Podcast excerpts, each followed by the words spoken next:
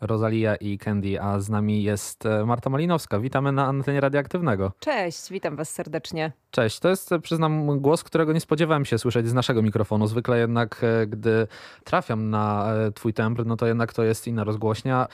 Przez ostatnich, zdaje się, że ile ty jesteś już na antenie? 10 lat? 11? Wiesz co, od 2010 roku dokładnie, więc y, w tym roku będzie 12. 12 nawet, nawet. o matko. Mhm. No to, no to trochę większe doświadczenie niż my mamy faktycznie. E, niemniej e, też można powiedzieć, że mimo, że obecnie reprezentujesz jednak Radio 357, niegdyś e, Trójkę, niegdyś Radio Wrocław, Radio Wrocław Kultura i no to jednak zaczęło się od Radia Luz. Mm, powiedz mi, w jaki sposób do radia trafiłaś? Bo zastanawiam się dlatego, że mm, każdy z nas trafił w jakiś sposób, tak? No ja na przykład nie przewidywałem, że będę kiedykolwiek w radiu, ściągnął mnie kolega i jak było w twoim przypadku? Ja również nie przewidywałam tego, że będę w radiu. E, znam przypadki takich osób, które y, zaplanowały sobie może mm, taką historię w bardzo młodym wieku, y, chociaż u mnie chyba podświadomie też tak było, ponieważ y, jest taka zabawna anegdotka z mojego bardzo wczesnego życia. Jak miałam lat, y, nie wiem, sześć, byłam w przedszkolu, to y, robiłam radio Strzałeczka. To było radio, które polegało na tym, że ja po prostu nagrywałam sobie audycje na kasety, wtedy jeszcze, na taśmę. Y, tak w latach 90. się korzystało z takiego nośnika, ale raczej nie myślałam o tym jako, wiecie, o czymś, co może mnie szczególnie związać w życiu. I wszystko u mnie zaczęło się w momencie, kiedy wyjechałam na studia do Wrocławia. Mm, ja akurat jestem z Sandomierza, więc to jest dosyć dosyć odległe miasto od Wrocławia. E, no i tak e, chcąc sobie zorganizować czas, po prostu szukałam różnych rzeczy. Zupełnie przypadkowo trafiłam na plakat e, Radia Luz. Weszłam na ich stronę, okazało się, że jest prowadzona rekrutacja. Wysłałam maila, no i tak to się stało. Więc rozumiem, że zaczęło się od bycia po prostu redaktorką, tak? W sensie najpierw na początku wiadomo jakaś rekrutacja, coś, tak, świeżak, tak, tak, a tak, następnie tak. redaktorstwo. Jednak z tego, co się orientuję, to poszłaś z tym dalej, jeszcze w ramach Radia Luz, że jednak byłaś szefową redakcji muzycznej i szefową tak. programu, zdaje się. Tak, to prawda. Byłam e, szefową redakcji muzycznej przez ponad dwa lata. E, no i w międzyczasie byłam też szefową e, programową. No tak się ułożyło moje życie wtedy w Radiu Luz, że po prostu, tak jak nie planując tego, na maksa wsiąknęłam jakby w życie radia studenckiego i byłam na tyle zaangażowana, że dostałam te propozycje, żeby zajmować się redakcją muzyczną. No i potem też jakby koordynować powiedzmy całą antenę właśnie tak od strony programowej, więc to było takich pierwszych pięć lat moich bycia związaną z radiem. No to powiem szczerze, nadal chyba, chociaż nie, patrząc na Michała, to mi, staż Michała w tym radiu, to by się zgadzał. Pięć lat, tak? Czy... Tak, mój, mój akurat nawet nie jeszcze, także mm, w sumie ciekawie, że my tu powoli się też wygaszamy jakoś chyba. Ale dobra, e, bo zastanawiam się też e, z tej okazji, że no jednak powiedzmy Radio Luz jest zorganizowane troszeczkę inaczej niż radioaktywne. Mhm. Jakie obowiązki szły z, za twoją e, w zasadzie pracą tam? Mhm. Muszę sobie przypomnieć, bo y, minęło już trochę czasu od tego. Y, są punkty wspólne, bo Radio Luz też jest radiem przy Politechnice, tak jak wy jesteście radiem Politechniki. Y, różnica podstawowa była taka, że Radio Luz miało częstotliwość, cały czas ma taką w FM-ie, więc my nadawaliśmy tak na miarę naszych możliwości w pełnym trybie. Moje obowiązki zaczynały się od tego, że byłam redaktorką, tak jak powiedziałeś, prowadziłam audycje przede wszystkim muzyczne, ale też audycje kulturalne i różne inne rzeczy, które akurat były potrzebne. No ale tak naprawdę ja w radiu studenckim nauczyłam się radia od każdej strony. Nauczyłam się tam realizacji, nauczyłam się y, prowadzenia redakcji, robienia wywiadów, y, koordynowania w ogóle pracy redakcji, koordynowania y, ludzi, którzy są na wolontariacie tak naprawdę, ale wszyscy pracujemy na jakieś wspólne dobro, chyba tak mogę to po prostu nazwać. Więc te obowiązki no, były każde, biorąc pod uwagę to, co trzeba w radiu robić po prostu. No tak, czyli od, mm, nie wiem, dobierania muzyki do mówienia przy, na antenie, no i no, programowania ramówki, tak, w zasadzie, tak. więc e, wszystko, wszystko, co się Dokładnie da chyba, tak. to wszystko, prawda. Tak, wszystko, co, co składa się na radio. A jak e, to wyglądało, gdy powoli zaczęłaś opuszczać te szeregi? Czy jakby mm, było coś takiego, że jest jakaś e, za tym powiedzmy nostalgia, jakieś trochę szkoda, że to się zostawia, że mm, z czym wiąże się powiedzmy profesjonalizacja tak naprawdę? To jest mhm. takie pytanie. Ja mam cały czas ogromny sentyment i bardzo dobrze wspominam te swoje lata w Radiu Luz. E, nadal mam takie poczucie, że y, to było chyba najlepsze, co mnie spotkało radiowo. Między innymi ze względu na to, że no właśnie tam nie było tego aspektu profesjonalnego i na dobrą sprawę każdy pomysł, który przychodził nam do głowy, był możliwy do wdrożenia. Oczywiście, jeśli nie wymagał jakiegoś super dużego nakładu finansowego, ale serio wszystko, co my sobie wymyślaliśmy, to się tam działo.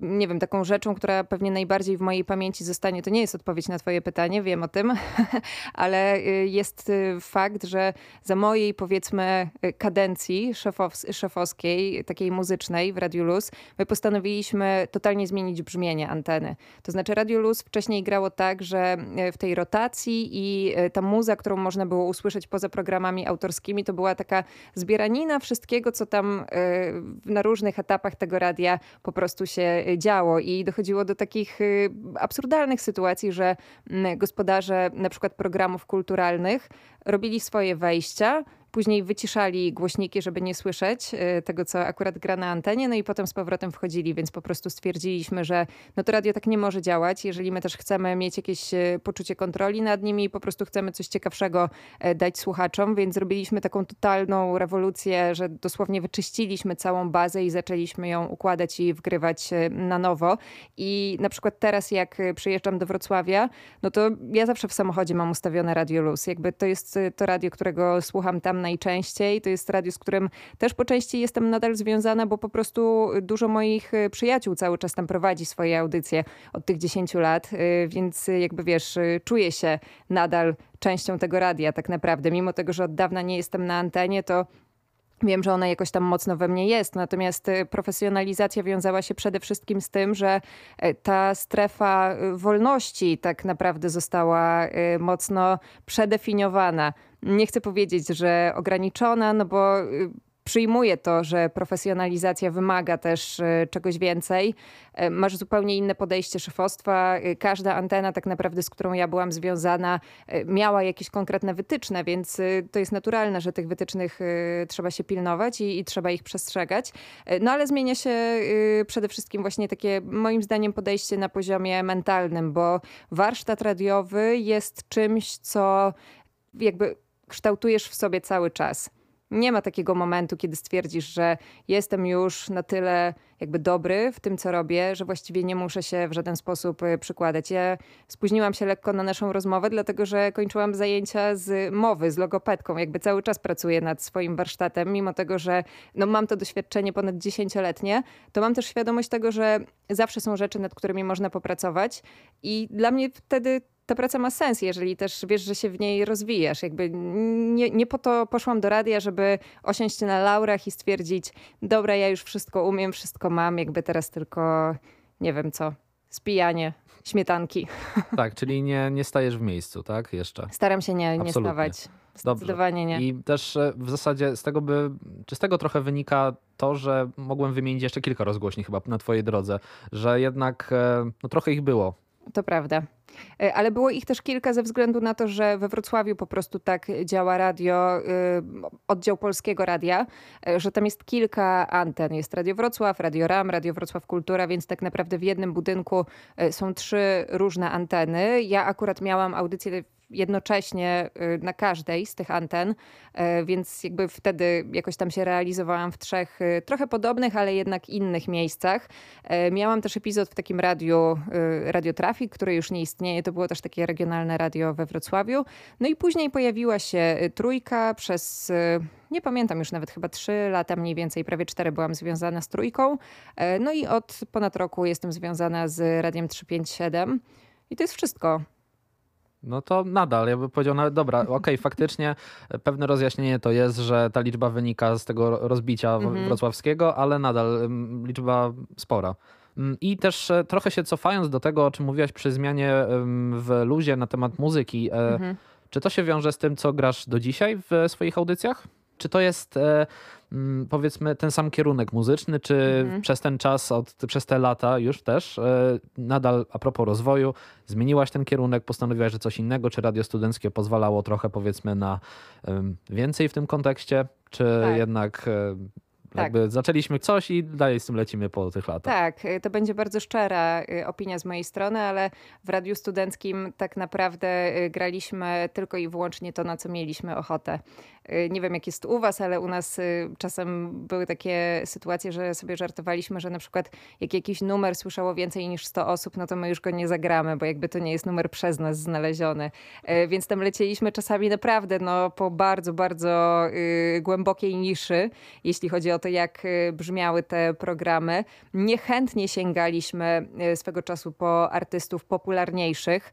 To też się zmienia, bo to zależy tak naprawdę od, y, moim zdaniem, jakiejś takiej atmosfery w radiu i atmosfery redakcji. My akurat wtedy byliśmy w takich czasach, kiedy no na przykład, y, ok, graliśmy dużo rapu amerykańskiego, ale to wynikało z tego, że on w Polsce wtedy wcale nie był taki super popularny. W sensie nie było zbyt wielu miejsc, w których można było y, tej muzy słuchać albo jakoś tak z nią obcować. W sensie to był ten moment jeszcze zanim rap tak wybuchł w ostatnich kilku latach? Tak, tak, tak, tak. To było, y, to, to było powiedzmy za czasów, kiedy no, takie zespoły, jak tam najpopularniejsze jakieś składy dzisiaj, typu, nie wiem, polskie, nawet jakiś rezmentalizm przychodzi mi w pierwszej kolejności do głowy, byli na etapie wydawania w podziemiu, więc y, no, my też czuliśmy, wiecie, jakiś taki inny rodzaj trochę misyjności, grając y, te rzeczy z podziemia. Wiem, że dzisiaj, i, aha, i graliśmy bardzo dużo elektroniki i bardzo dużo rapu, więc no, można powiedzieć, że jest jakaś ciągłość i kontynuacja w tym, z jakimi gatunkami ja się czuję najbardziej teraz związana,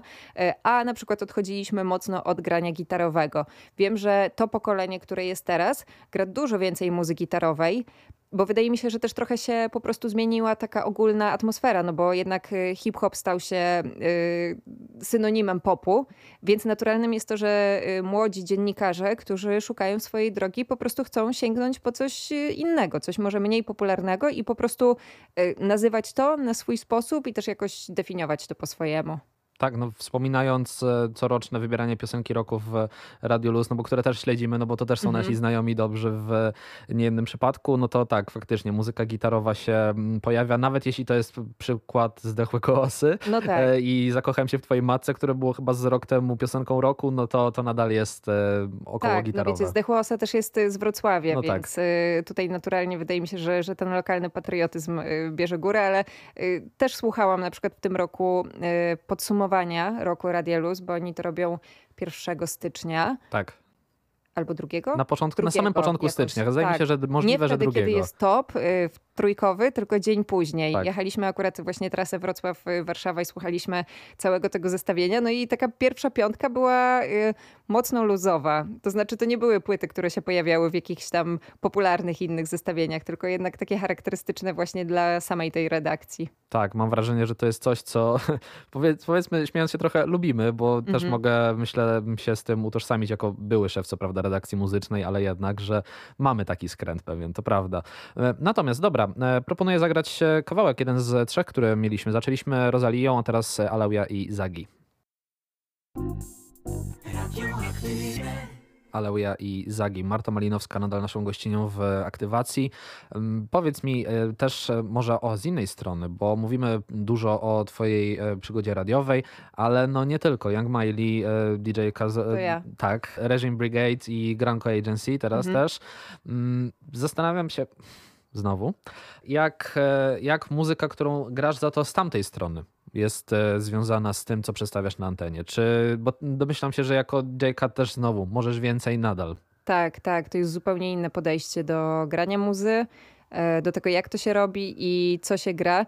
Jakimś tam Punktem wspólnym może teraz jest moja audycja sobotnia w Radiu Salto. 357, Salto dokładnie, bo tam gram przede wszystkim muzykę klubową. Prawda jest taka, że to jest muzyka, która mi jest teraz najbliższa po prostu.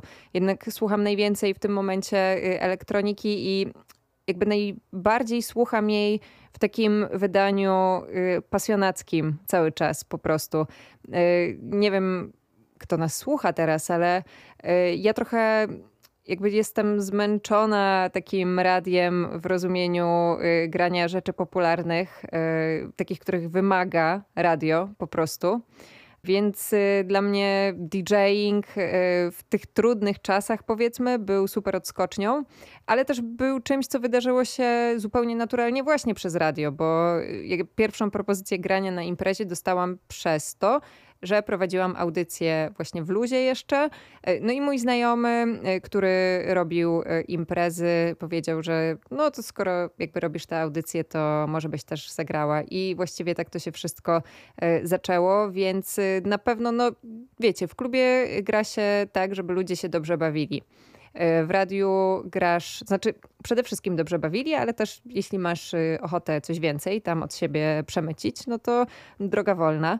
A w radiu grasz y, w zależności od bardzo wielu czynników. Tutaj nie ma jednej zasady, moim zdaniem, przynajmniej jeśli chodzi o, o takie autorskie audycje wieczorne, bo jeżeli prowadzę y, w tym momencie program tam między 13 a 15, no to ja mam dużą świadomość i zawsze takie duże przywiązanie do tej pory. Jednak y, zdaję sobie sprawę, że to jest taki środek dnia w tygodniu, że słuchają nas bardzo różni tak naprawdę słuchacze e, i może nie wszyscy są w stanie przetrawić e, jakieś rzeczy niszowe czy mega wyszukane. Staram się je przemycać, ale na pewno przez ostatnie lata nauczyłam się bardzo mocno tego, że no, nie da się zrewolucjonizować e, myślenia o radiu brzmieniowo, jednoosobowo.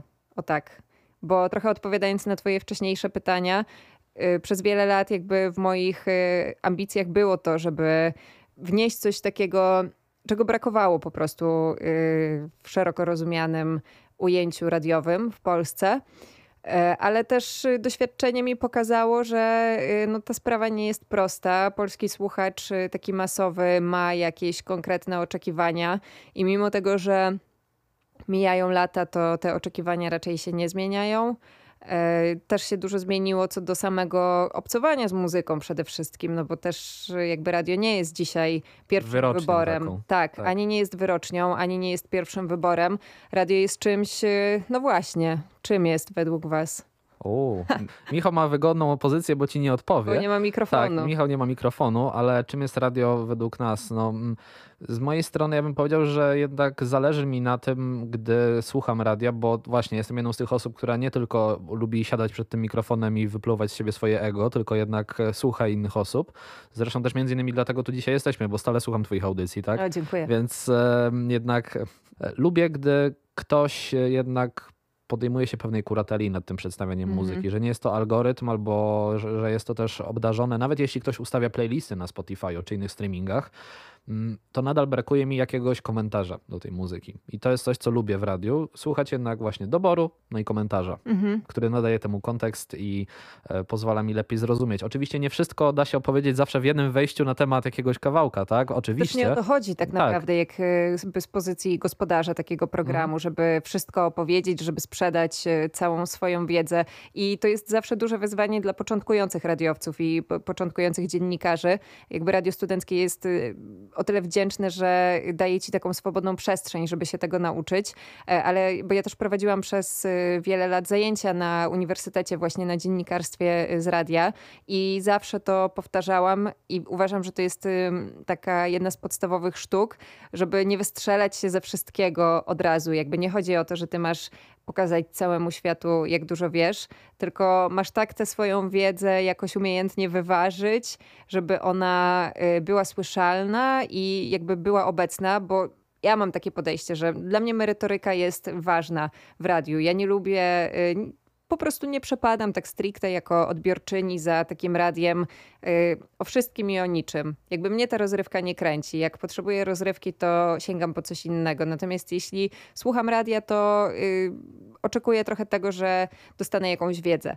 Yy, I dla mnie jakby takim złotym środkiem jest y, wyważenie wiedzy i też umiejętności opowiadania o muzyce w taki sposób, żeby właśnie zaciekawić tego słuchacza, żeby to nie było takie suche przekazanie faktów, ale jednak, żeby y, ta informacja w takim wejściu radiowym też była obecna.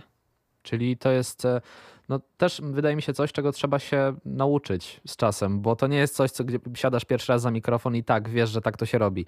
Myślisz, że jest jakiś sposób, też jako właśnie, skoro mówiłaś, że prowadziłaś zajęcia, tak, mhm. że czy jest jakiś e, sposób, żeby się do tego przygotować lepiej? Ćwiczyć. Praktyka z mojej perspektywy tylko i wyłącznie praktyka. Ja nie skończyłam dziennikarstwa. Y, znam ten kierunek właśnie od drugiej strony y, i uważam, że y, jakby bycie regularnie na antenie, podejmowanie się różnych nowych wyzwań, to jest to dzięki czemu się uczysz.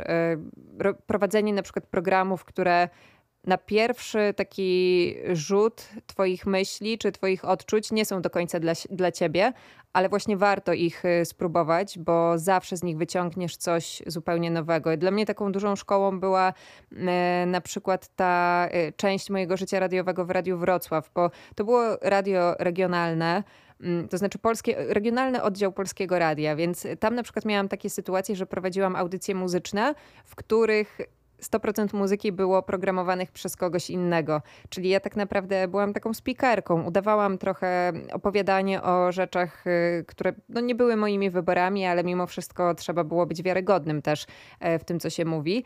Ale tam na przykład był bardzo duży rygor co do długości wejść. E, czyli jeżeli w zegarze było wpisane 45 sekund, to nie można było przekroczyć nawet o 5 sekund y, długości tego wejścia. Ja oczywiście jak byłam w tym, to mnie to mega irytowało i miałam masę jakby argumentów za tym, że to jest bez sensu, ale po jakimś czasie skumałam, że ja się nauczyłam takiego podświadomego pilnowania, jak długo mówię. I to jest na przykład super przydatne, że ty czujesz, że już przegadujesz to wejście, masz jeszcze dużo do powiedzenia, ale czujesz, że mówię już minutę 30 i może warto w tym momencie postawić kropkę, zrobić stop, dopowiedzieć sobie y, po utworze, czy coś tam, wiesz, innego y, zrobić. I, e, no i to są rzeczy, których y, wydaje mi się, że można się nauczyć tylko w praktyce.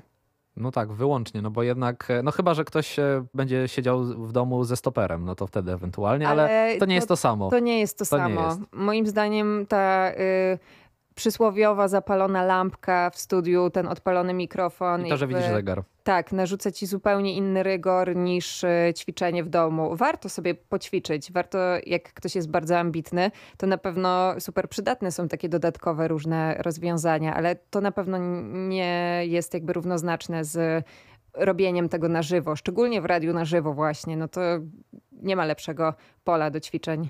Tak, to, to prawda. A też e, Mówiłaś o wyzwaniach. E, powiedz mi, skorzystajmy z tej okazji, że tutaj mhm. jesteś. Jakie było twoje takie wyzwanie jakieś, które miała, musiałaś się go podjąć, mimo że mm, powiedzmy było stresujące? Bo często mamy tutaj ten motyw, że ktoś na przykład dopiero u nas zaczyna, dostaje pierwszy wywiad, no i jest stresik. A zresztą nawet nie tylko pierwszy. No, nie ukrywajmy, siedzimy tutaj i ja też tak się zastanawiałem trochę do samego końca, nie? Jak to będzie, jak to Aha. będzie. Jaka była taka sytuacja dla ciebie, która, której się obawiałaś powiedzmy w radiu? Pierwsza rzecz, która przychodzi mi teraz do głowy, to jednak był pierwszy program w Trójce. To była dla mnie chyba najbardziej taka stresująca rzecz. Prawdopodobnie było to też największe wyzwanie, poza oczywiście takimi absolutnymi początkami, bo przejście z luzu do Radia Wrocław nie było dla mnie aż takim y, dużym jakimś mentalnym przeskokiem. Natomiast no, przejście do, do trójki, czyli już do radia ogólnopolskiego, e, też z bardzo e, konkretną specyfiką, było na pewno dla mnie największym wyzwaniem. No i ostatecznie w trójce pracowałeś przy stale przy trzech programach. Zdaje mi się, że kojarzę audycję w wakacje. Mhm jeszcze te krótsze w ciągu dnia, audycję, którą miałeś zdaje się w nocy też tak, i audycję z Hirkiem Wroną. Tak, tak, tak. Ja zaczynałam właśnie od tej dzikiej karty. To była taka audycja wtedy y, stworzona specjalnie dla młodych dziennikarzy, którzy tam się próbowali. To był taki trochę casting dla nas i po tej dzikiej karcie y, dostałam na wakacje próbny magazynek, czyli właśnie audycję w takim no spoko bardzo paśmie jak na trójkę, bo to była chyba no, 15-16, więc to jest bardzo dobry czas antenowy. Y, no i po tym magazynku od razu razu weszłam ze swoją audycją autorską między 15 a 16, co też było y, jakimś takim E, może nie ewenementem, ale na pewno rzadką sytuacją, że ktoś z tak krótkim trójkowym doświadczeniem, bo e, w wielu radiach w Polsce jest tak, w większości z którymi ja miałam styczność, jakby nie studenckich, że y, zanim ty dostaniesz tę antenę, to musisz y, swoje odczekać. Często jest to bycie wydawcą przez wiele lat, y, pomocnikiem jakiegoś innego redaktora lub dziennikarza.